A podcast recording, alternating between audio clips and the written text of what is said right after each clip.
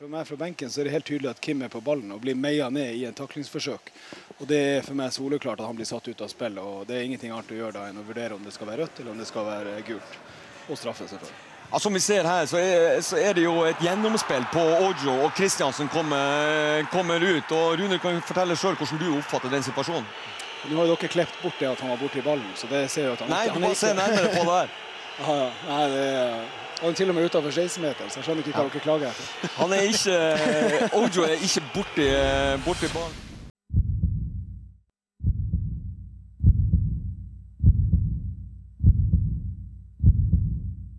Der eh, er skåringa et eh, faktum. Det er innbytter Ulrik Johannessen som er på returen. Og her går eh, Mjølner amok eh, med både tilskuere og eh, spillere. Du hører på Innbytterpuls, en podkast av Mjølner med Robin Bergfall og Kenneth Claesson. Vi er i gang med en ny episode av Innbytterpuls. og Denne spiller vi inn egentlig dagen etter en, forrige episode ble spilt inn. for Vi måtte hive oss litt rundt på kort varsel. Kenneth Claesson. Har fortsatt ferie. Ja. Fortsatt ferie, ja. ja. Nei, og Dette er jo en episode som vi, vi gleder oss uh, vanvittig til. Det er jo en, en gjest som har stått høyt på, uh, på lista, ønskelista vår som gjester, og endelig så var han, uh, var han, hjemme, og vi kunne få han i, i, studio. Så det er vi jo utrolig glad for. Dette kommer til å bli kjempeartig. Ja, Vi ble så begeistra når vi så han at vi kasta jo både kakao og kaffe og alt på han. Vi, kastet, vi tømte ut alt der. Vi, vi ble litt skjelven. Så det her blir veldig bra. Da kan vi bare ta han inn med en gang. Rune Skarsfjord, velkommen. Takk for det. Jeg Er fornøyd med serveringa? Veldig veldig bra. Det er som, eh, som forventa av dere to. Ja, det er klart. Nei, vi ble litt, eh, vi ble litt skjelven når du kom inn i studio her, så da, eh, da måtte vi kvelde ut litt kakao og litt kaffe og litt Det er sånn det er. Før vi egentlig går på noe Vi, vi fikk en litt sånn si, Kaller det for lytterspørsmål egentlig med en gang her. Det var noen som hørte du skulle i studio, så ble det snakk om hvordan gikk det med bowlingen i går? Det syns jeg var et, det, det var et utidig spørsmål. Jeg ble, jeg ble, best av taperne. Jeg ble nummer to. Det liker jeg dårlig. Det var også rykter om noe Uno-bit inni her. Ja, det, det, det kommenterer jeg ikke. du er en dårlig taper?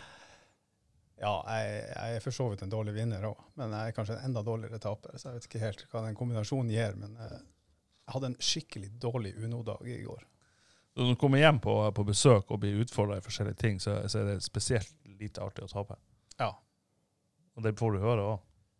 Ja, det kan jo sies at jeg legger vel litt opp til det sjøl òg.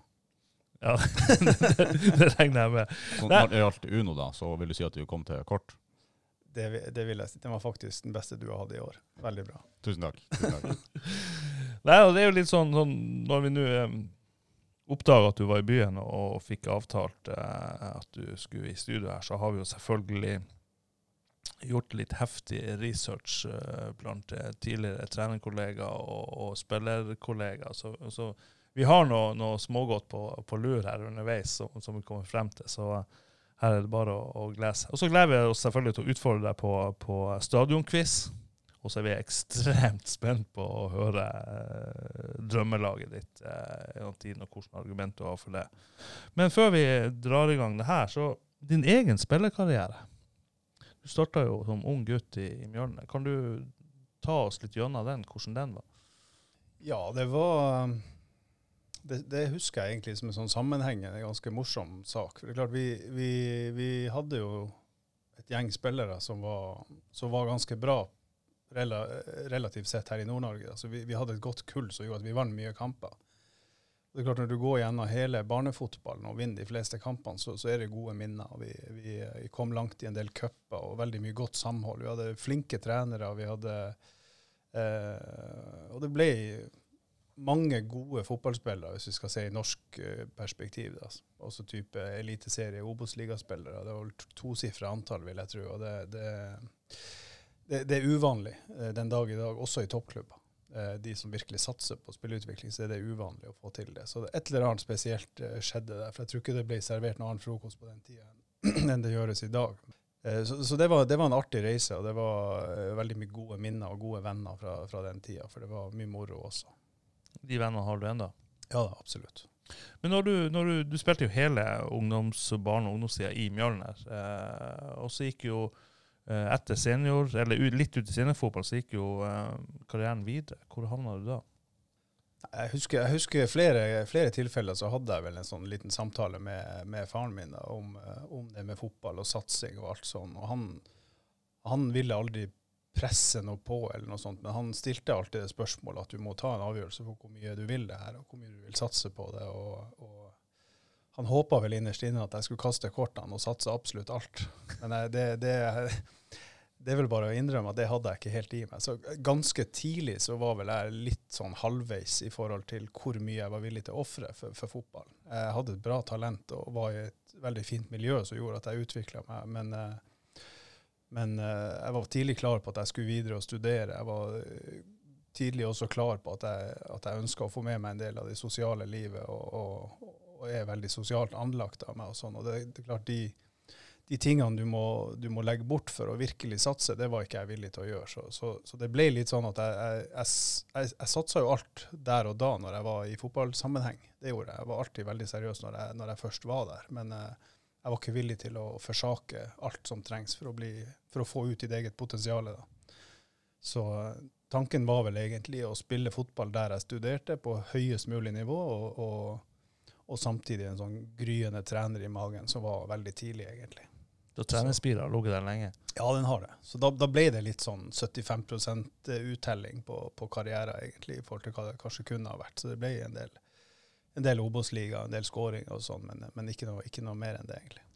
Men hvis vi går litt tilbake til, til, til, til ungdomstida og det her, så, så Første gang du var tatt ut på Kresla-samling, så meldte du forfall. Hva, hva var årsaken til det? De fleste er jo veldig spent og ønsker på mange måter å, å komme dit. Og så melder du forfall som småguttespiller første gang du er tatt ut. Ja, Det stemmer ikke.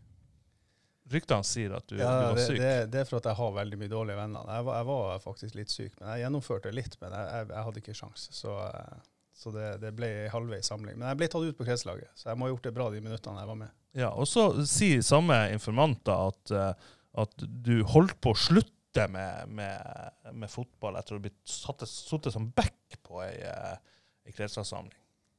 Ja, det, det, det, stemmer. Det er faktisk den eneste gangen jeg holdt på å slutte.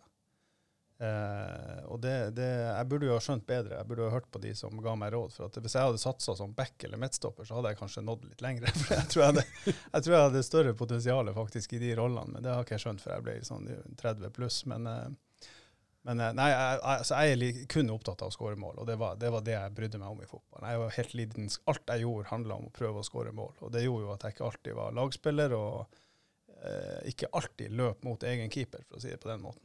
Jeg var litt, litt lat defensivt, for det handla jo om å skåre mål. Og når jeg ble satt på en back, så syns jeg det var fryktelig langt opp til det målet der.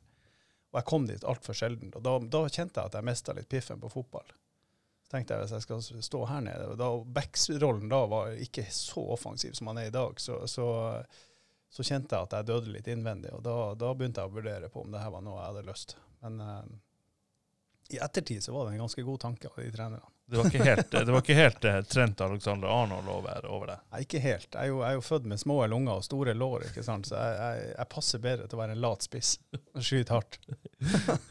men, men uh, når du nå gikk denne veien, og, og, du sier at det lå et treningsbilde, er du påvirka av uh, pappa Terje Skarsvold?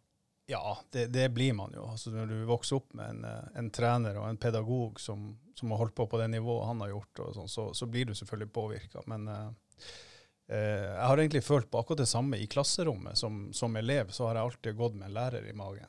Jeg har også utdannelse som lærer og har praktisert som lærer. Så, så dette er egentlig to, to, ting eh, som er ganske like. Og, og sånn har det egentlig vært hele tida. Jeg vet ikke helt hvorfor, men arv og miljø er vel en sum som, som går igjen i sånne sammenhenger. Hvis du da ikke skal jobbe som fotballtrener, nå jobber du med fotball, hvis du, du ikke skal jobbe med fotball i hele tatt, hva, hva ville, ville det vært lærer som har vært det naturlige steget da? Ja, hvert fall, eller, eller tilbakesteget? I hvert fall tidligere så kunne jeg vært det, men nå heller jeg mer inn mot sånn type lederutvikling og, og også i den retninga. Nå har jeg jobba mye med det, spesielt de siste årene. Og, og, eh, men det, det, må handle om, om, om, mennesker, og det må handle om, om læring. Og, og, eh, jeg er ganske fascinert av det med, med mål og strategiarbeid også. Så, så noe i den retninga. Men også kan gjerne være en form for undervisning også. Det, det er noe som trigger meg veldig. Men hvordan var det å vokse opp i Narvik med en så profilert trenerfar? På, på, du hadde han som trener sjøl og, og, og har fulgt eh, veien hans opp igjennom. Hvordan var det? De fleste har jo foreldretrenere i dag, Ja, men, men det- kanskje ikke så profilerte som, som han ble til slutt. Ja, det er jo, det er jo Sånn er det jo med sønnen min i Asker òg. Han har jo òg meg som trener. Jeg er jo, jeg er jo foreldretrener, Ja. selv om jeg har vært trener på, på høyere nivå. Så, så sånn, det med å ha en profilert trenerpappa, det, det tror jeg egentlig kun er for de andre. Altså For deg sjøl er det jo ikke det. Det er jo pappaen din. Ja. Eh, så, så i, mitt, i, mi, mitt, mine øyne var jo ikke han noen profilert trener, trenerpersonlighet. Han var jo pappaen min. Så, så det har jeg egentlig ikke kjent så, så mye på, egentlig. Eh, også der i ettertid så burde jeg kanskje ha Alle har jo den pubertetsmotstanden at man er prinsipielt uenig med foreldrene sine. Og det, det hadde jo selvfølgelig jeg òg. Men eh, jeg burde sikkert ha vært eh, på et par områder enda mer ydmyk overfor han som hadde den erfaringa han hadde. Men jeg, jeg, jeg tok det nå inn, men jeg vil ikke si det. Men har du, har du i din egen trenerkarriere har du tatt noe med deg fra det han drev på med? Eh, det har jeg. Både ja, både ja og nei. For at fotballen har utvikla seg enormt mye. Og trenerrollen har utvikla seg enormt mye. Og, og måten vi ser på faget på, har eh, fått store påvirkninger fra andre nasjoner sine, sine skoler, for å si det sånn. Så, så det, det, det er helt umulig å sammenligne på å si 19, eh, 1990 og, og, og 2020. Det, det, er nesten to forskjellige idretter. Eh, men, men det er jo grunnelementer i måten han han jobber på, og, sånn som, som, som alltid har vært med. Han var jo tvers igjennom en pedagog i tillegg, så, så mye, mye av det har jeg selvfølgelig tatt med meg. Og også en del faglige ting. Men hva, hva beskriver en eh, du som jobber med toppfotballen i dag, hva beskriver en god fotballtrener? På det høyere nivået, hvis vi tenker i norsk målestokk, så, så er kravene blitt så skjerpa at du, du skal ha ganske god peiling på, på ledelse. Eh, ledelse av folk. Eh, både du skal du håndtere et eget trenerteam, men du skal også håndtere store deler av klubben. For at du er, om, om ikke organisasjonskartet, så er du i hvert fall en av de høyeste lederrollene i klubben, og den mest eh, sentrale. Eh, så, så du skal være ganske flink på det med, med, med lederbiten. Og, du skal være en pedagog, du skal være en faglig leder, du skal ha ganske god peiling på fysisk trening, mental trening. Eh, Det er en veldig sammensatt rolle, og, og du, du kommer rett og slett til kort hvis du, ikke, hvis du har for store hull, og ikke får fylt det ut i et, et team rundt deg. Da. Men selv med et eget team så er du nødt til å ha en viss kompetanse på det. Og det, det, det er jo det jeg har brukt de siste fire årene til, det er å fylle på alle de her områdene og, og, og prøve å gjøre det mer helhetlig, den, den pakken jeg sjøl har. da. Robin, du som er i ferd med nå og skal gå på eh, UFA-lisensen din, så er det viktig å følge med. Ja, jeg sitter jo og noterer så jeg spruter. Men det er jo faktisk jo på A-lisensen nå er jo den lederbiten her, det er jo et tema. og Det er jo stadig mer, altså større eh, del av trenerutdanninga går jo på den lederbiten, og ikke nødvendigvis så mye på fag, selv om faget selvfølgelig er en essensiell del i det. Ja. Hadde du noen egne trenerforbilder når du begynte din trenerkarriere, foruten om, om eh, far din? da? Og har du noen forbilder i dag som du ser mye til? Egentlig så har jeg shoppa hele veien. Jeg har uh, både bevisst og ubevisst, og det har jeg også gjort som lærer. Uh, eller som elev, da. Senere lærer. Jeg, har- jeg prøver å plukke med meg når jeg ser ting som blir gjort som er veldig bra, og som fascinerer meg og inspirerer meg. Eh, men også ting som jeg ser blir gjort veldig feil og dårlig. Eh, og så prøver jeg å lære av det. Og det har på en måte samla seg opp i en sånn bank. Så, så jeg har nok litt av veldig mange. Jeg har vært fryktelig heldig i, i fotballsammenheng og fått jobba sammen med, med ekstremt flinke folk. Både her i Mjølner, men også når jeg gikk videre, så har jeg så fikk jeg jo fem år i Rosenborg, annet, hvor, hvor eh, veldig veldig mange gode, flinke folk var. Og jeg fikk sett helt tett på å oppleve fotball på høyt nivå, og også ledelse på høyt nivå, og, og se hvordan det kan gjøres på, på det nivået. Så jeg har, jeg har på en måte shoppa litt overalt, egentlig. og har fått prøvd ut litt sjøl og har fått reflektert og justert litt. og, og jeg, jeg tror skal du bli en skikkelig god fotballtrener, så må du gjennom alle de her fasene. og Det er derfor de ofte er best når de er eldre. Så jeg har nok de, de beste trenerårene foran meg. Ja, da peiler vi deg inn på at eh, du er ikke ferdig som trener. Eh, nei, jeg har vel egentlig så vidt begynt. Jeg har øvd litt. Øvd litt og, og, og på tur tilbake.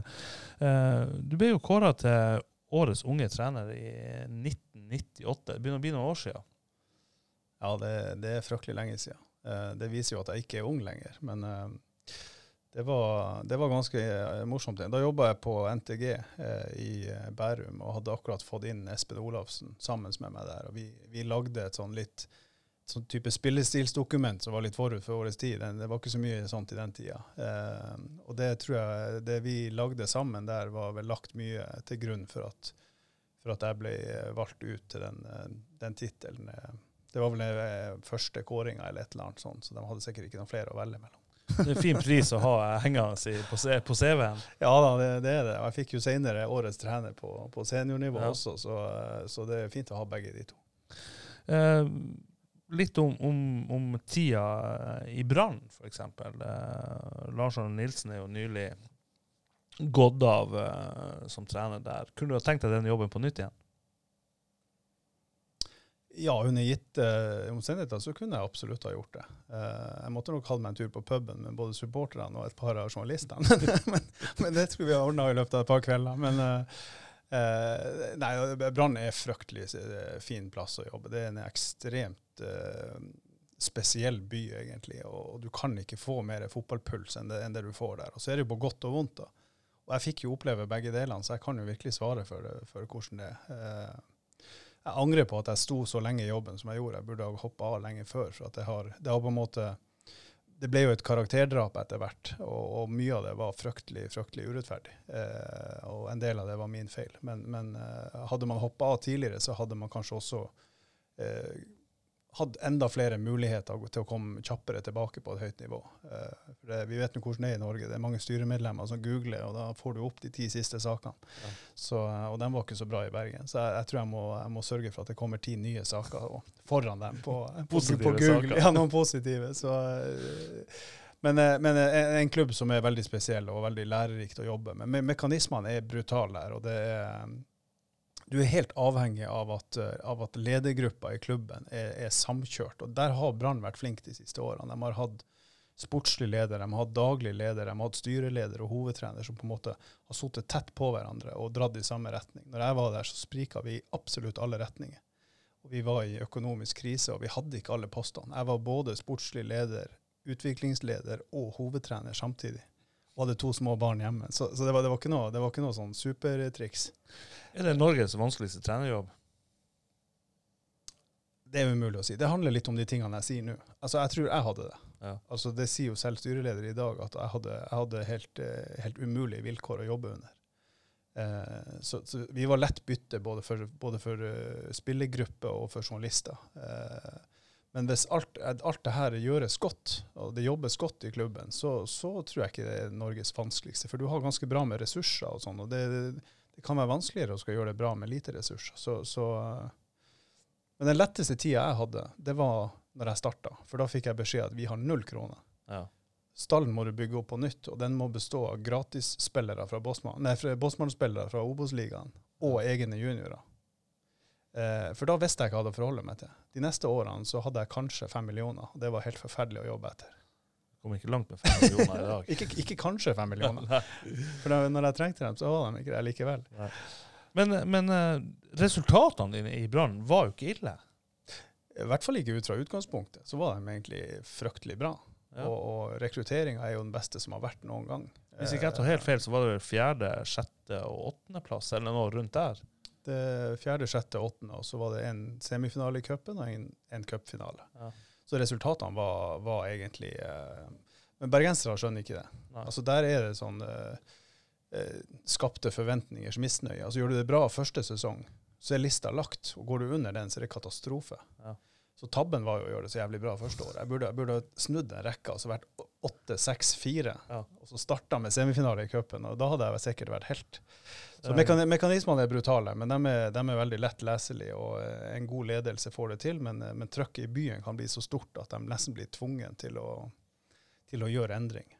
Hvordan var det å, å være i, dag, i Haugesund kontra det å være i, i Brann?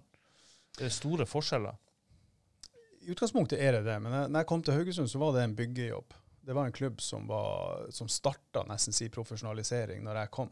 Uh, vi jobba på de brakkene som var der, og de hadde vært ned i andredivisjon. De var nyopprykka når jeg kom dit, til Obos-ligaen og skulle prøve seg der. Så min jobb var jo å prøve å stabilisere klubben i Obos-ligaen og, og profesjonalisere klubben. Så det ble, eh, det ble en veldig tung jobb. Fryktelig mye som måtte gjøres og snues på. Og, og haugalendingene var ikke så interessert i å ta imot sånn type info fra en som kom utenifra. Så det var, det var mange vegger som måtte rives, og, og, veldig mange som måtte konfronteres i forhold til hvor lista ligger, og hvor referansene ligger. Og, og det, var, det, var, en tung jobb, men det ble gjort helt avgjørende ting der for det som skjedde senere med Haugesund. Så, så, så det, det, var en, det var lærerikt. Jeg, jeg, trengte en byggejobb i starten av min karriere, så det var viktig å gjøre det. Så hadde jeg tenkt det at Brann ikke ble det, men det ble jo faktisk det i Brann nå, siden alt rakna når Steinar kom inn der. og vi, vi Alt Steinar var lovt, eh, ble jo trukket tilbake på første styremøte. Så han hadde jo sagt ja til en helt annen jobb enn det han trodde. Eh, og så ble resultatene litt dårligere, og så måtte Steinar gå. Og så satt jeg da igjen med, med boet da, som var null. Og fikk beskjed om at her må du bare prøve å, å berge klubben, rett og slett. For vi er helt ute å kjøre. Men du var jo i Rosenborg eh, sammen med Nils Arne Eggen. og Hvis du sammenligner Rosenborg da og ser på det som skjer der i dag, hvordan, hva tror du er utfordringen til Rosenborg i dag for å bli en, igjen en, en toppklubb på tabellen? Ja, det, det, kunne jeg prata en hel, hel, time om. altså. Jeg, nå er det sånn, Den jobben jeg har nå i norsk toppfotball, så representerer jeg 32 toppklubber, deriblant Rosenborg. Så jeg, det er litt sånn eh, eh, hindra i å si så mye om, om, de enkelte klubbene hvis det går på sånne ting. Men eh, det, er stor, det, er stor, forskjell på de fem årene jeg var i Rosenborg, og de siste fem årene. Det, det er det. Altså, og så snakker jeg heller med Rosenborg om hva det er for noe, for å si det sånn. Lurt. Ja. Men eh, hvis jeg sier Tom McRae på Rockefeller, hva, eh, hva tenker du da? Eh, da tenker jeg 8. mai 2007 tror jeg. Ja. Hva skjedde da? Nei, Da fridde han til min kone på vegne av meg foran et fullsatt Rockefeller. Det var litt kult. Du torde ikke gjøre det sjøl, måtte få han til å gjøre det? Jeg måtte sette sånn press på at hun måtte si ja. Det, jeg kunne ikke bomme på den. Så, så det, det, var, det, var, ikke noe vei utenom det? der? Nei, hun kunne ikke si nei da. Hvordan kom du på den der ideen? Altså, en måte å fri på. Få en, en uh, stor uh, låtskriver, uh, artist, å stå på scenen av en fullsatt Rockefeller. Hvor, hvor den ideen kom ifra? Nei, jeg, er jo en romantiker, da. Det må jo være det. Nei, vi, vi, har en felles lidenskap for musikk, jeg og Kristin, som er kona mi. Vi har hørt mye musikk, og Tom McRae var noe vi kosa oss veldig med i den perioden der. Og da så at han skulle spille i Oslo. Vi bodde jo i Haugesund da, så så da lagde jeg til en sånn overraskelsestur da, med konsert, trodde hun. Men det ble jo mer enn det, da. Så um, det ble en bra greie. Men var, jeg, så nervøs har jeg aldri vært før. Det kunne jo gå gærent veldig mange ganger i løpet av den helga der. Til, men det gikk eh, bra hele veien. Du har vel også vært i India og spilt fotball, eh, ryktes det? Ja, når jeg gikk til Lyn, så, så ble vi egentlig sendt av gårde på en sånn eh, promotur som egentlig var var lagt opp for et Premier League-lag som trakk seg i siste liten. Så via Arne Skeian så, så, foreslo han Lyn. Og eh, jeg tror rent sånn akuttmessig så ble vi sendt av gårde. Så fikk vi 18 eh, dager i India på sånn rundreise for å spille mot det indiske landslaget. Tre, tre storbyer. I Calcutta og Bombay og i Goa. Uh, og fikk uh, svære konvolutter med penger hver plass vi kom, og blomsterpike og alt mulig. Så det var en voldsom uh, reise. Og vi spilte vel for en ja, Det var vel oppi en 100 000 på den kampen som var mest folk på. Da spilte du sammen med Ronny Johnsen, blant annet. Ja. Den største stjerna, det må vel ha vært en sjakkspiller? Ja, det, vi trodde jo det var Ronny Johnsen som var den store stjerna. Det var jo før han dro til United. Men uh, vi hadde jo med oss Simen Agdestein, som var litt skada som vanlig. Da. Men han, uh, han uh, fikk jo rett han var, han var Justin Bieber der nede. Altså han det, var, det, var, kaos uansett hvor han kom. Det var ja. ikke et menneske som ikke visste hvem han var. Så det var litt rart å se. Så, så ryktes det et eller annet om, om at når du var trener i Haugesund, så, så var Arsen Wenger på, på besøk. Ja, hva, det syns jeg er gøy, som er Arsenal-fan. Ja. Uh, Arsenal Wenger er jo, en, er jo, en, statue for meg. Det var neppe du som inviterte han dit? Jeg hadde ikke invitert han dit, men uh, vi hadde også der begynt å dra opp unge unggutter. Det er jo noe jeg liker å gjøre, å gi dem sjansen. Så vi hadde hevet opp en Håvard Nordtveit som var 15 år, og dundra han rett inn på A-laget. Uh, eh, Hoppa over i underlaget omtrent, og, og uh, måtte også ringe til kretsen og til landslaget og så si at vi har funnet en landslagsspiller, for han var ikke på kartet deres engang. Han, var ikke- han var ikke på kretslaget heller, så, så eh, han ble sendt rett av gårde på landslagssamling, spilte seg inn der, og da er det speidere som har sett ham på landslaget, rett og slett. Så han ble vel kaptein etter 40 minutter på landslaget. Eh, og, og gjorde det veldig bra, og, og så kom da Wenger for å ta en siste kikk på han. Eh, for de så noe helt spesielt i han. Ja, rett fikk du jo. Ja da, absolutt. Det gikk ikke helt som, som verken eh, jeg eller United, nei, Arsenal håpa, men, eh, men eh, han har fått en veldig solid karriere og har nok fått ut potensialet sitt og er en helt fantastisk gutt. Når vi snakker om at du er Arsenal-supporter og har hatt, Arsen Wenger på Haugesund stadion og sett kamp, så ryktes det noe, noe nachspiel med noen noe Arsenal-spillere. Dra oss gjennom det. Det er ikke alle som får lov å være på nachspiel med store Premier League-stjerner. Nei, Det er jo en episode jeg vil kalle ren uflaks. Men eh, eh, det var også når jeg var i Lyn, så spilte vi en sånn sommerkamp mot Arsenal. De Premier League-lagene drar jo gjerne rundt i Norge og andre plasser og spiller. og Da hadde vi en kamp eh, mot Arsenal, og det var i seg sjøl stort. Husker jeg kom alene med David Seaman, jeg fikk jo helt hakkeslepp. Jeg visste ikke hva jeg skulle gjøre. Jeg klarte selvfølgelig ikke å komle den i mål. Men, eh, men eh, så hadde vi bankett etterpå, men det var jo sånn skjenkering og alt mulig, så det stengte jo rett etter vi kom. Og da ble det selvfølgelig snakk om vi skulle gjøre noe videre. Og de ene engelskmenn på tur på sommeren, de på den tida der, det var ikke, det var ikke havregryn i baklomma. Så eh, bodde jeg sammen med en trønder da, som, eh, i en eh, ganske stor leilighet, og da endte vi selvfølgelig opp med å dra dit et gjeng. Eh, og jeg hadde store supporterøyne, og de hadde mindre og mindre øyne. Eh, og, og de hadde ikke tenkt å legge seg heller, så det ble litt bråk og litt styr. Og ja, det, det Regner med Tony Adams var en av dem. Tony Adams var en av dem, eh, uten tvil. Tvil, ja. Det er jo en spesiell historie. Det er en artig historie. å komme Ja til etter det. Men eh, hva sa Lyn til det her da, i ettertid? Nei, det ble jo som sagt litt bråk, eh, og da ble det jo en telefon til eh, Arne Dokken som var direktør, så morgenen etter så måtte jeg stå skolerett, jeg og han trønderen da, og fikk fortjent en kamps karantene og, eh, og klar beskjed om å finne oss en ny plass å bo. Og det, vi løste begge delene og angra litt på det vi hadde gjort, men uh, i ettertid så var det jo litt verdt det òg. Det vil jeg, det vil jeg tro. Eh, fornøyd med at Arsenal uh, fikk seg en, uh, en tittel i år. Ja, sesongen var egentlig bekksvart helt til vi plutselig vant FA-cupen. Da Ja. kjente jeg at det her var greit. Så vi Det ble litt sølvtøy i år, òg, det, det er bra. Vi har hengt litt etter, men vi får se hva som skjer fremover nå om vi klarer å bygge et nytt lag. Tror du Arteta er rett mann til å gjøre det? Vi må nok ha en del endringer i laget hvis hans Fotball skal få lov å, å spille seg ut. Da, da, da kan ikke vi spille med Rob Holding. Han har knapt nok spilt seg inn på Mjølner. Så da, da må det skje noen endringer. Vi må ha mer ferdigheter inn i laget, og også litt hjelp foran der i, rundt uh, Mayang. Så vi får se. Det er vel få Arsenal-spillere som i dag er gode nok for, for, for, for uh, Mjølner. Det er sant. Eh, norsk toppfotball og jobben du gjør i, i dag, hva kan du si om, om den? Hva er hovedingrediensene i den jobben du gjør? Ja, vi er et team på vi er vel en syv stykker nå som jobber eh, med de 32 toppklubbene, altså Obo- Obos og Eliteserien. Og da er vi eh, beste beskrivelsen er nesten å si at vi jobber som konsulenter eller veiledere for de klubbene. Uh, Innenfor alle temaer, egentlig. Alt fra, fra strategi og målarbeid i, i klubbens styre, og, og eh, kanskje aller mest så jobber vi mot utviklingsarbeidet. Hvor vi da også har en sånn eh, eh, klassifisering som vi gjennomfører annethvert år på de her klubbene. Og Den klassifiseringa avgjør da hvor mye penger av mediepengene de her klubbene får.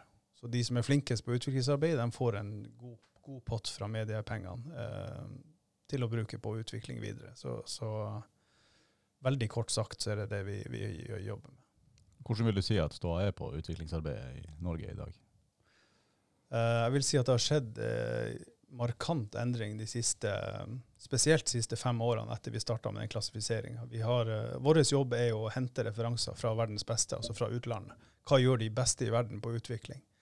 Og så er det å finne ut hva av de tingene som kan eh, implementeres i det norske bildet. da. Eh, for vi har jo vår egen måte å gjøre ting på med barneidrettsbestemmelser og sånn. Og så er det å prøve å jobbe med klubbene og, og, og være veiledere for dem på det. Og, og det har ført til at toppklubbene har endra måten å jobbe med spillerutvikling på. Det, det er helt, helt annerledes bilde nå enn det var for fem år siden. Så en som vokser opp nå rundt uh, Åråsen, eller om det er i Bodø, eller noe sånt, han får en reise da, gjennom et pensum, nesten som på skolen, som er helt annerledes enn det var før. Uh, så du kan nesten nå begynne å systemforklare de talentene som vi sender ut uh, i Europa. Så trenden nå er jo look to Norway. De fleste nasjonene og, og scouter og alt, de har begynt å se etter norske spillere, og mange som har begynt å lure på hva vi gjør for noe. Det beste beviset er kanskje de aldersbestemte landslagene vi har, for det er jo der de skal på en måte prestere, de talentene, og vi får målt oss mot resten av Europa. og Norge ble kåra til den nasjonen som hadde størst fremgang på alle aldersbestemte landslag i, i 2019. Så, så det har vært et enorm løft, og det ser vi jo selvfølgelig både i Eliteserien og i salg i utlandet. og Vi har et par som løper foran der nå, med Sander Berge og Ødegaard og Haaland bl.a. Torsby og ja, Det begynner å bli ganske mange, faktisk. Norske spillere i dag, altså de, de talentene som kommer, de er mer skolert nå enn de var før? Ja, de har vært gjennom en helt annen skole, rett og slett. Eh, ikke noe tilfeldigheter, og systematikken er stor. Eh, sånn som vi også har sett i utlandet, og som vi har prøvd å, å få med i den klassifiseringa. Så vi har prøvd å forme de norske miljøene til å jobbe i, mye etter samme, samme tingene som vi har sett at de beste har gjort. Men hva er forskjellen på talent i dag og talent eh, når du holder på? Hva er den største forskjellen? Ja, talentet er ikke den største forskjellen. Forskjellen er den reisen det talentet får. fra han er så Noen jobber jo med dem fra de er åtte år, og noen tar dem inn når de er tolv eller, eller 14. Eh, Rosenborg tar dem inn veldig seint, eh, per i dag i hvert fall. Eh, så, så det, det, det, er mer hva de møter når de kommer dit. Nå har vi, altså Det var vel en 20, 20 trenere som var ansatt rundt utvikling for noen år siden. Nå er det 200. Det er rundt 200 heltidsansatte mennesker som jobber med utvikling. og De, dem driver også vi og skolerer gjennom kursing og seminarer. og, og og det, det, fører jo til at du har et svært team. altså det, det, er flere av de beste klubbene i Norge som har ti mann på full tid, som jobber kun med utvikling. Og De syr jo opp et planverk da, som de her spillerne møter når de kommer inn, la oss si som tiåring, tolvåring. Eh, og da har de et innhold hvert år de neste åtte årene til de er 18, eh, som omhandler både fysisk trening, mental trening og, og selvfølgelig fotballbiten.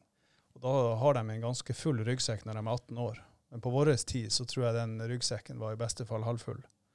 Og det er jo den store forskjellen. Og det er også forskjellen på å bli et nasjonalt talent og å bli et internasjonalt talent. Vi ser jo, vi, vi jobber jo litt og å ha en samarbeidsavtale med, med Bodø-Glimt på talentutvikling, og sende en god del av Mjølner sine spillere nedover dit. Hva er suksessformen til Bodø-Glimt? De gjør det jo kjempebra for tida og får frem mye gode lokale spillere. Hva, hva er suksessoppskrifta deres? Nei, det, det, starter alltid på toppen. og Det gjør det i Bodø-Glimt, det gjør det i Mjølner, det gjør det ellers. De har en, en, helt krystallklar strategi i klubben sin. Og den står de last og brast med. De uh, røkka opp med den, de røkka ned med den, og de røkka opp på nytt igjen, og de røkka ned med den, og de røkka opp igjen, og nå har de fått suksess med den. De har stått ved den utviklingsstrategien hele tida. Og det, det, omhandler egentlig en sånn uh, regel eller, eller logistikkformel som de har i forhold til hvor mange egenproduserte skal være i stallen. Eh, og hvor mange egenproduserte skal bære på hospitering med A-laget. De, de, de, har rydda vei, det vi kaller brua til A-laget. Sånn at Da er det bare å få opp de beste talentene, og så sender de av gårde på den brua. og Da får de en sånn reise som gjør at de lettere utvikler seg. Og så har de selvfølgelig vært gjennom det pensumet som jeg snakka om, helt fra de kom til klubben. Eh, som gjør at de beste talentene da får en voldsom fremgang tror du det er viktig for oss, eh, for Mjølner som klubb, å ha en sånn avtale med Glimt der vi får innpass, og spillerne får innpass inn i det miljøet de har? Jeg tror det er kjempeviktig, men det aller viktigste er jo å ta med ting hjem og så se hva man sjøl skal gjøre. Eh, det at Mjølner staker ut en kurs som er veldig klar, og at man forholder seg til den. Både når det går i medgang og motgang, og at man bruker midlene i forhold til det. Eh, jeg tror, jeg tror, ikke det vokser opp uh, an, annerledes unger her nå enn det gjorde før, eller her enn i Bodø. Men det, det, er påvirkning, og det handler selvfølgelig også om, om kultur. Hvis, hvis, man føler at alt er, er, bra nok sånn som det er, så, så blir det sånn som det er. Uh, du samarbeider med en annen narviking, Espen Olafsen. Ja. Hva er det dere, som Du sier litt om dere jobber inn mot toppklubber, men hva er det sånn i gå litt i dybden. Hva er det dere egentlig gjør? Altså, dere sitter, deler kontor og, Han, han er jo leder for det teamet på syv som vi er. Han er fagsjefen vår. Og så har vi Erik Soler over der igjen, eh, som er vår direktør, eller hva vi skal kalle det. Sportssjef. Eh, og vi har et portefølje av klubber. Sånn at eh, Espen har vært i, Stabæk i alle år og vært deres mann. Jeg har vært i Odd i alle år og er deres mann. Eh, og da er det veldig mye Vi er på klubbesøk, vi har veldig mye videomøter. Vi, uh, da veileder jeg dem i forhold til å bygge planverk, i forhold til hvordan de jobber med enkeltspillere. Men også på ledelsesnivå i forhold til strategier og, og hvordan logistikkjobben gjøres. Uh, og også av og til inn mot A-lagstrener. I og med at jeg har vært det sjøl, så kan jeg også være en sparringspartner inn, inn der. Og det har jeg også gjort i, i Odd, da, som er en, en av mine klubber. Så, så vi jobber delvis ut der, og så jobber vi delvis eh, med, med kursing og seminarer av de her trenerne i de 32 klubbene. Som vi har eh, både i innland og utland. Så vi skaffer en del referanser fra Spania og Portugal, inn, henter dem inn til seminarer og, og, og jobber på den måten. Eh, og så har, vi, eh, så har jeg i tillegg vært en del med, med A-landslaget i forhold til motstanderanalyse, så den er litt på sida av, av selve NTF-jobben min. Eh, Men når du sier du jobber inn mot Odd, så er det jo en, en hjørnespiller som, som nylig eh, forsvant til Odd. Hvordan eh, tror du han blir å klare seg i Eliteserien?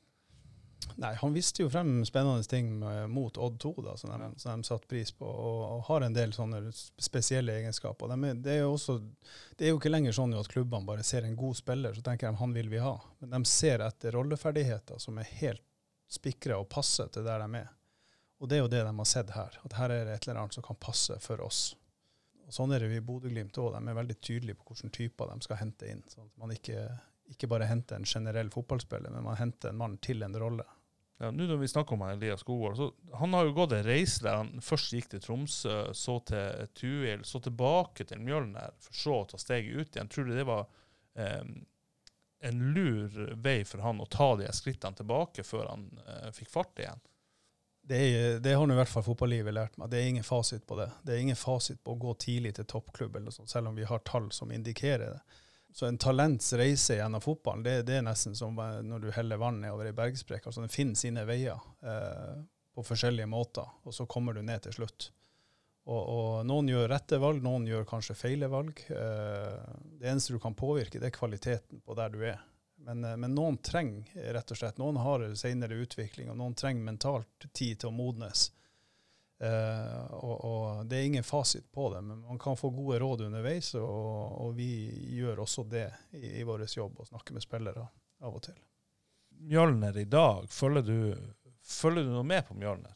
Som Narvik-gutt? Litt, eh, litt pinlig berørt over det spørsmålet, for der, er- det er jeg for dårlig på. Har, eh, det, det har jeg rett og slett ikke gjort. Så jeg har veldig lite. Jeg, får jo oppdatering av Lille av og til, og i perioder fra Mikken når han har vært her og sånn, men jeg, jeg, jeg kan ikke uttale meg om Mjølner, for jeg vet altfor lite om, om det. Men jeg har et bilde. Jeg, må, jeg måtte, var til og med innom og så litt på treninga her i, i går. Så, så det, jeg, jeg kjenner jo at jeg er glad i klubben.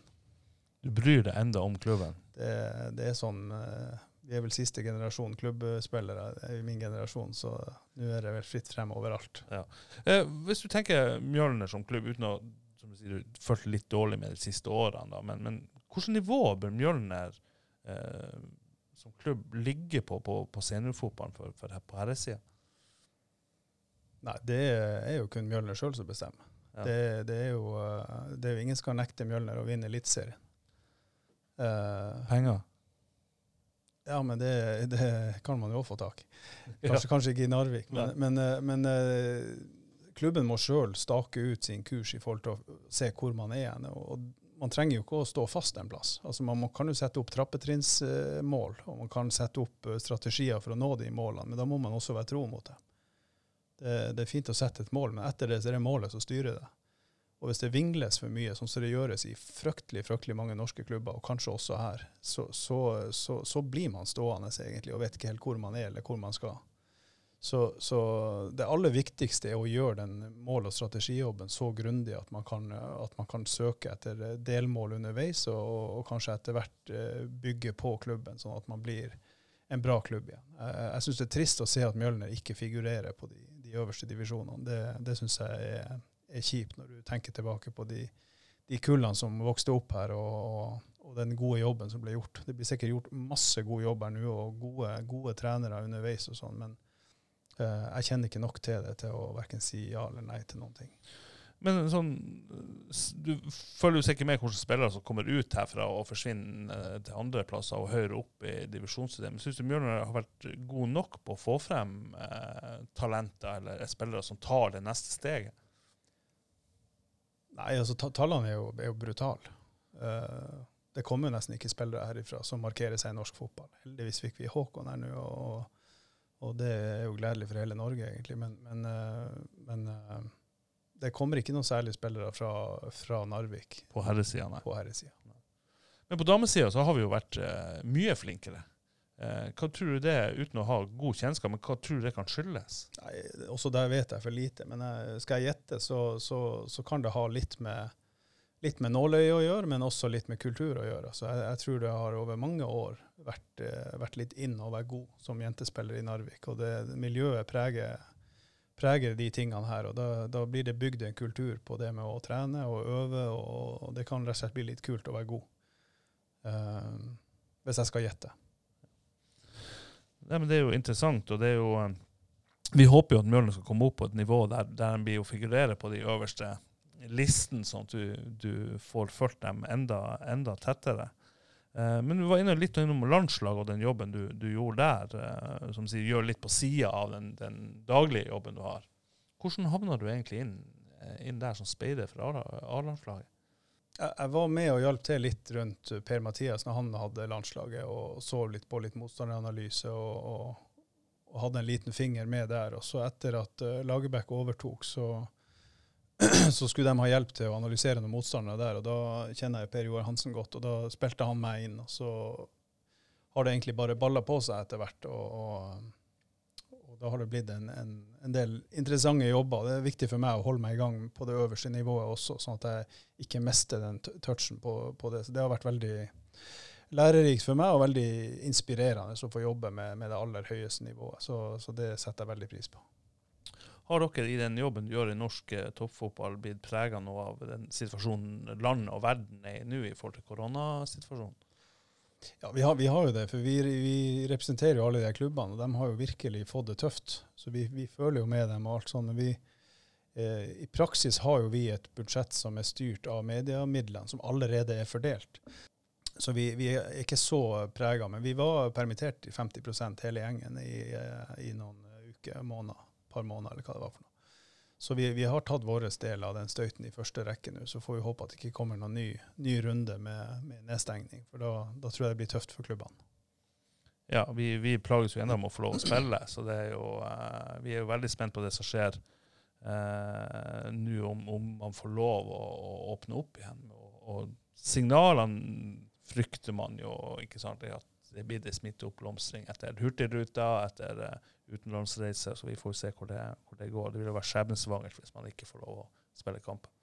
Ja, jeg tenker selvfølgelig sånn som alle andre rundt det temaet der. og det, Vi har problem alle sammen med å se eh, eh, Ikke se at man skal ha restriksjoner, men å, eh, når man sammenligner det med andre områder i samfunnet, så, så krasjer det selvfølgelig. Så jeg, jeg tror man må se det store bildet. og det, det kan jo til og med hende at de følte at de slapp opp så mye på toppfotballen at da må de stenge igjen på andre sida. Men eh, eh, det er jo trist å se frafallet som kommer, antall lag som, som slutter nå, og, og også spillere som finner ut at det her er ikke så gøy lenger. Eh, jeg er jo sjøl trener for et elleveårslag nede i Asker, for øvrig den tøffeste trenerjobben jeg noen gang har hatt. Eh, og de har heller ikke fått spille kamper nå på snart ti måneder. Så de, de får heldigvis lov å starte opp om en måneds tid. Så um, så eh, jeg håper at vi får satt i gang både bredde og barn så fort som mulig. Nå når vi spiller inn denne episoden, så er jo allerede kampene her oppe i gang eh, Ja. for de aller yngste. Så det, men, eh, men eh, du sier at det er den tøffeste trenerjobben du har hatt. Altså, du har vært eh, i Brann, du har vært i Haugesund, og så sier du at det her er den tøffeste treneren. Hvorfor er det det? Nei, Uansett hvordan det har blåst både i Brann og andre plasser i Rosenborg, så har jeg følt jeg hadde en viss styring på det. Men eh, med, med 18-20 steingærne 11-åringer, jeg har jo hatt dem siden de var åtte, da, så, eh, så har du ikke helt kontroll. Så jeg har vel aldri vært så sliten etter noen treninger som av og til jeg har kommet hjem etter, etter de her øktene. Men det er et fantastisk gjeng, da. De, eh, de nekter å slutte. og de, de, de kommer på trening og gjør alt mulig rart, også litt fotball. Så eh, det er veldig inspirerende både som trener og som far eh, å få være med på. Er det den artigste trenerjobben du har hatt? Eh, det kan jeg vel egentlig ikke si. Det er ikke det? Men det er veldig, veldig gøy å få følge opp sønnen min. Og det, det er det artigste jeg har gjort innenfor Ja. fotball. Men, men det, det er jo heftig å være trener et elleveårslag som ikke er så fryktelig interessert i fotball.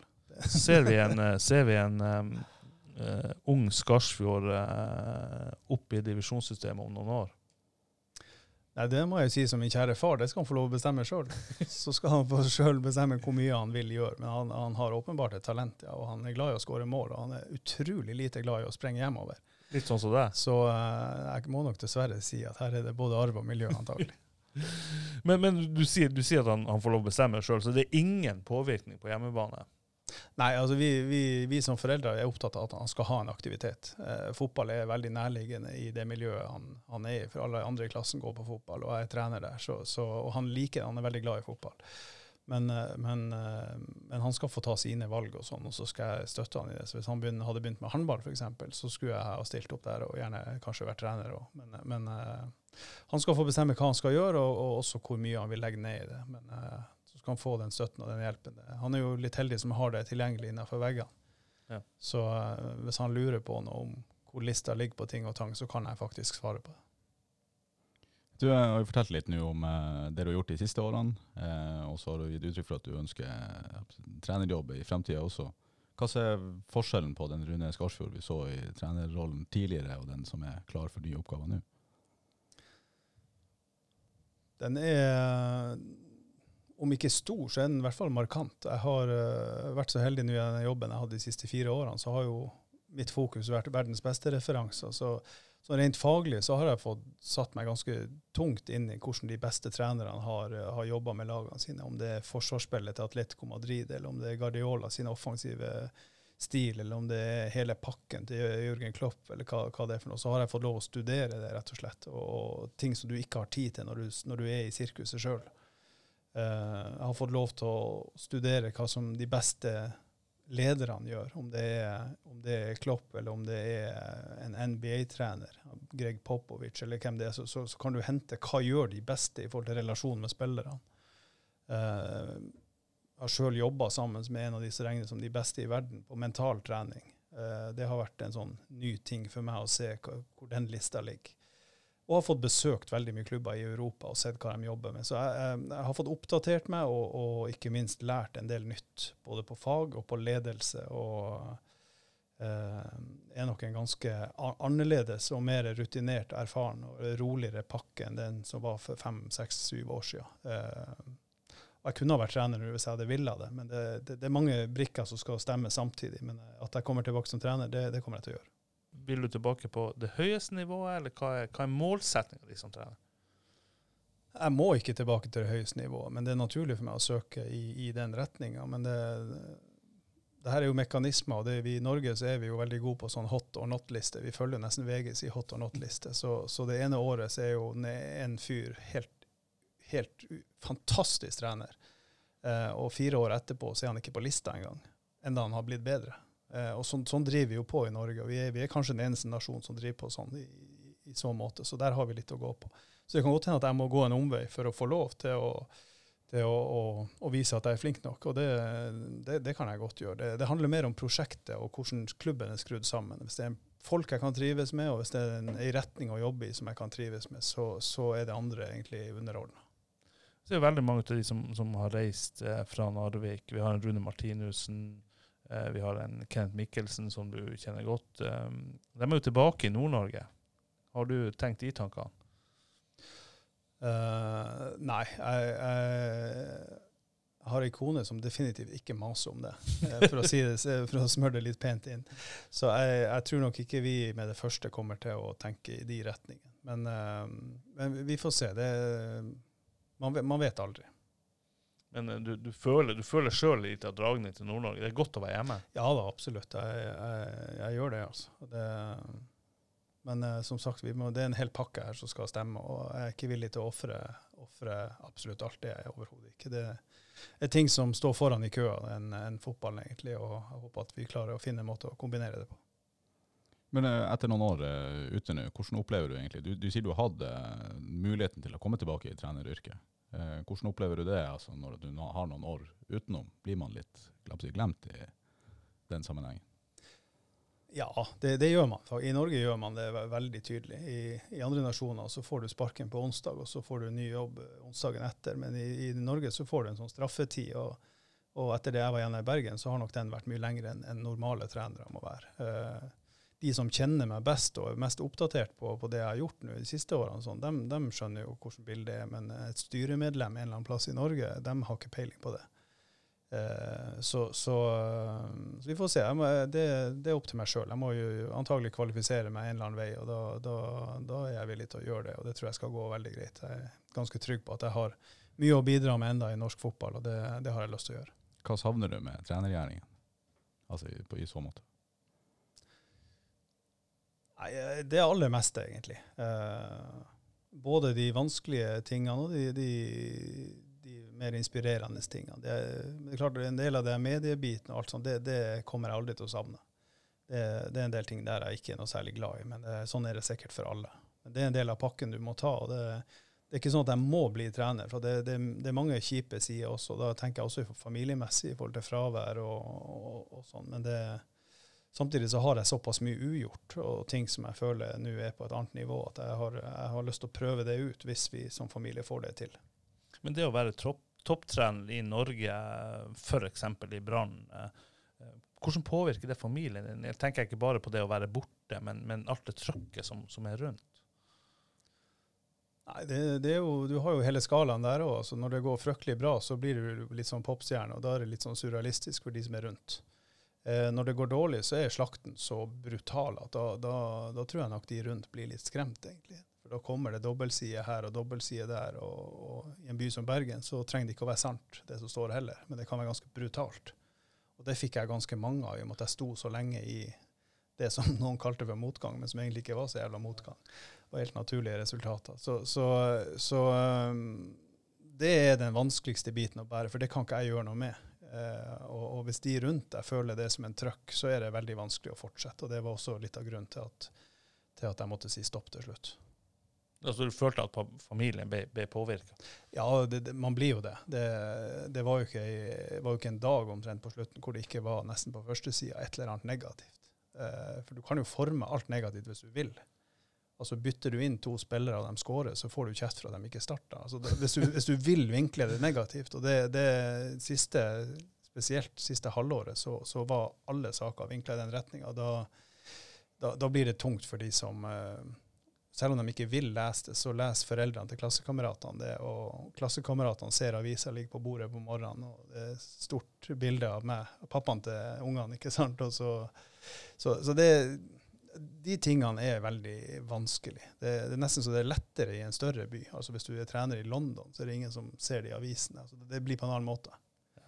Men i, i, Bergen er såpass uh, lite sånn, uh, sånn, sett og tett at du, du, du er overalt.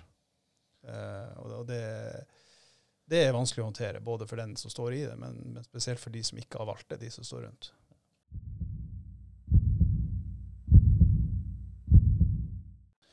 Da vi jo, begynner vi å nærme oss uh, at du skal ta ut et um, favoritt-Mjølner-elver. Uh, fått kort tid til å forberede deg på det, men, men um, du har klart det.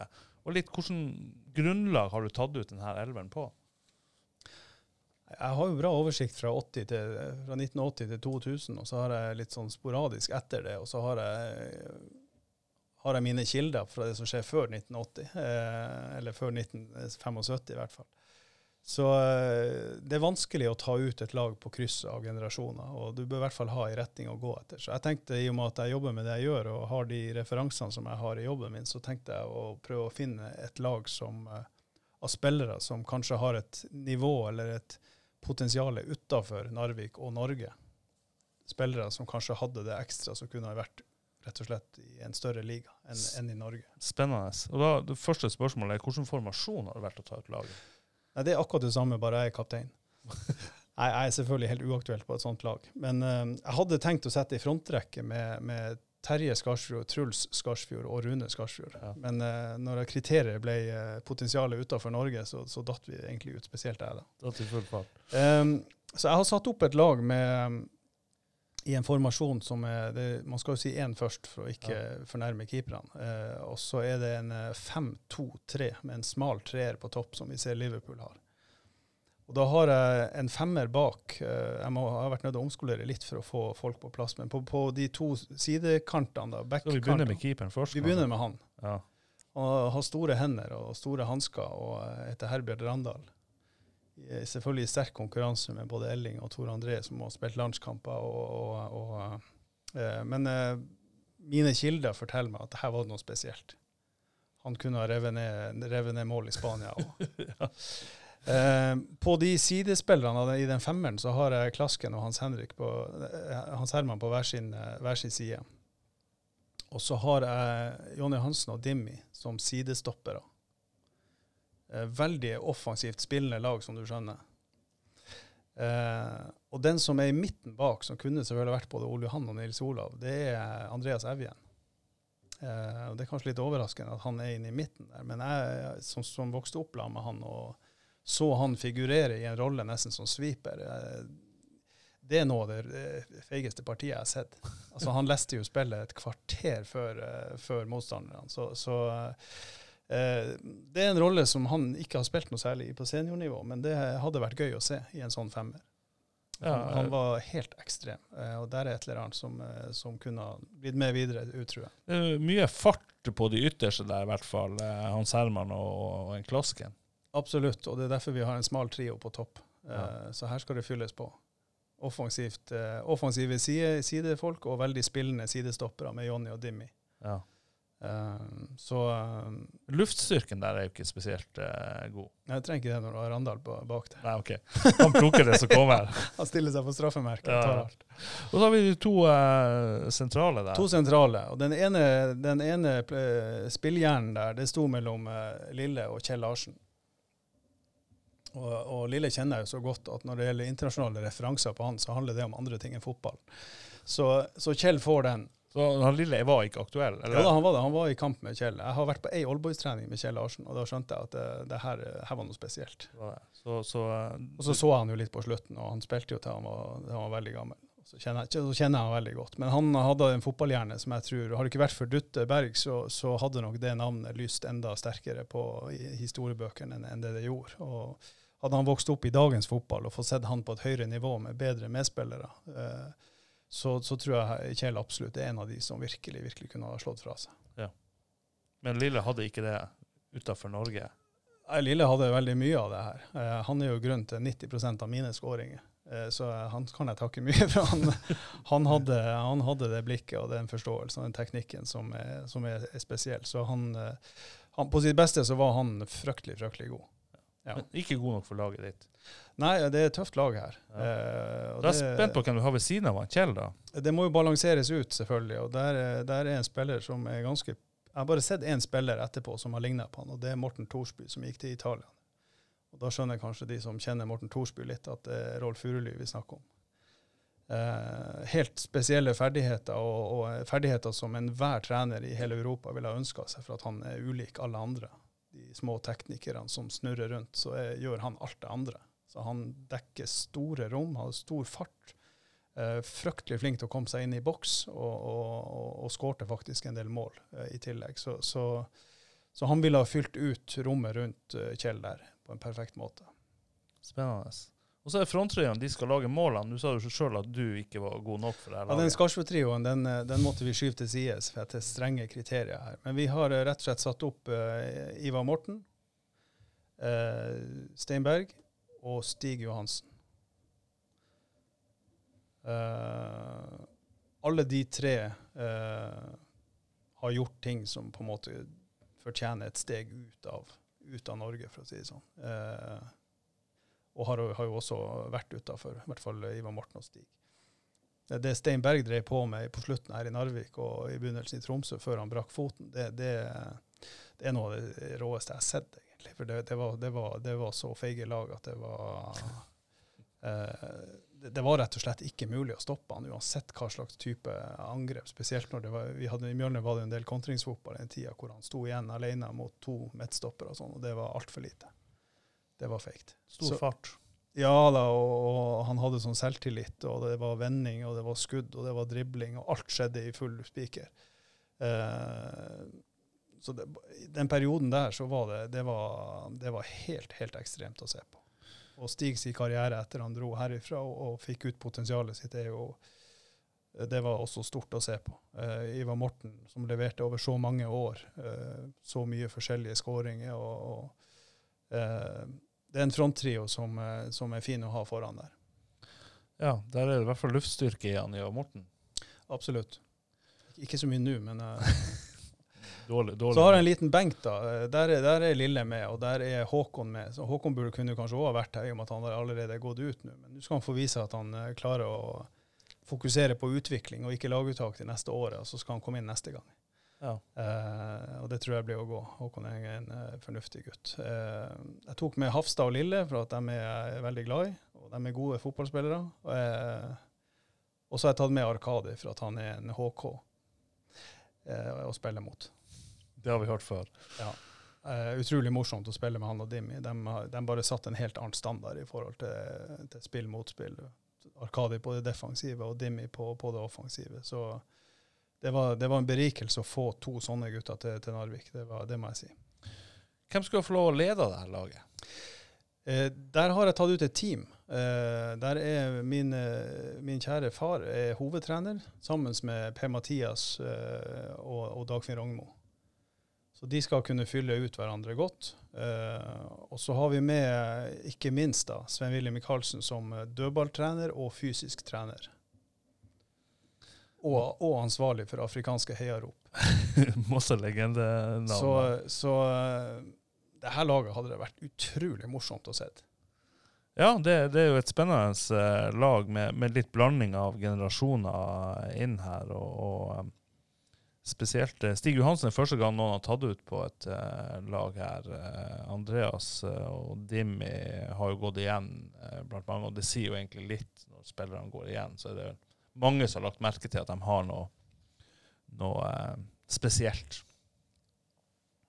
Andreas var vel også aktuell for eh, utlandet eh, en gang i, i verden. men Jeg tror Kiruna var og lukte på han. Kiruna var lukta på han, ja. ja, det er utlandet, så det, det, det kan man jo si.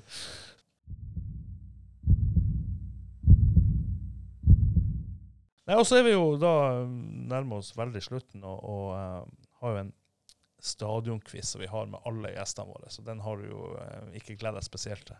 Jeg er, helt, eh, jeg er fagidiot, men jeg er helt naken på faktabit i forhold til fotball. Spillere, navn og Jeg kan ikke dra i lagoppstilling, det er bare i München eller noe sånt. Men, eh, og stad, stadionnavnet er helt Ja, stopper på Du kan si sånn, Når Robin sitter og leter etter de her og lager de her quizene, så, så, um, så er det en rød tråd i det. Og, og det er sånn at alle gjestene um, kan relatere seg til det her. Så, så du vite den røde tråden gjerne etterpå. Altså, den røde tråden er jo i noen hoder, ikke i alle hoder. Du må jo være spesielt interessert og ha lite å gjøre for å ha den røde tråden. det, det bruker jeg å si ofte, ja. Det, det, det er for spesielt interesserte. Og, og jeg skjønner aldri de her røde trådene hans, men, men igjen så, så er det vel sånn at uh, vi gjør et forsøk, og så eh, kan vi jo bare ta en oppdatering på resultatlista. Altså På førsteplass er det styrelederen i Mjølner, Kenneth eh, Solberg Hauge, som leder med 10 av 10 på 30 sekunder. Og andreplass Anders Horne eh, med 10 av 10 på 46 sekunder. Og så har vi eh, siste pallplassen er Mikael Rølvåg med 7 av 10. Og så har vi han Rune Edvardsen med 6 av 10, delt med Rune Lille Martinussen, har også 6 av 10. Børge Henriksen fem av ti og Håkon Evje med fire av ti. Så da vet du hva du har å strekke deg etter. Ja, Målet mitt er å få mer enn én.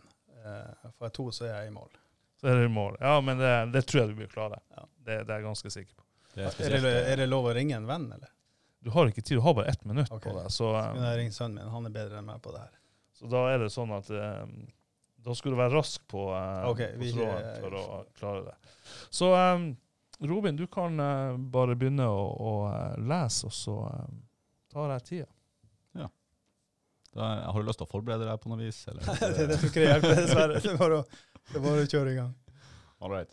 Da kjører vi. Da har vi da Color Line, Ålesund. Fosshaugane campus, Sogndal. Meløs stadion, Moss. ja. Sparta kunstgressbane, Gamle Sarpsborg. Varden amfi, Varden, fy, det burde jeg ta. Ja, vi går videre. Hødvoll stadion, Ja, det er Hødd. Tuil arena, Tromsdalen. Ski stadion, Ski. Nei. Ok. Fo- Lambertseter, Follo, mener jeg. Unnskyld. Follo, ja. Ja. Lambertseter, Eh, KFUM. Marienlyst. Strømskose. Da har vi eh, hva det er Varden, og så er det Lambertseter som ikke er tatt. Jeg- Jeg vet jo det. Det er bare helt eh,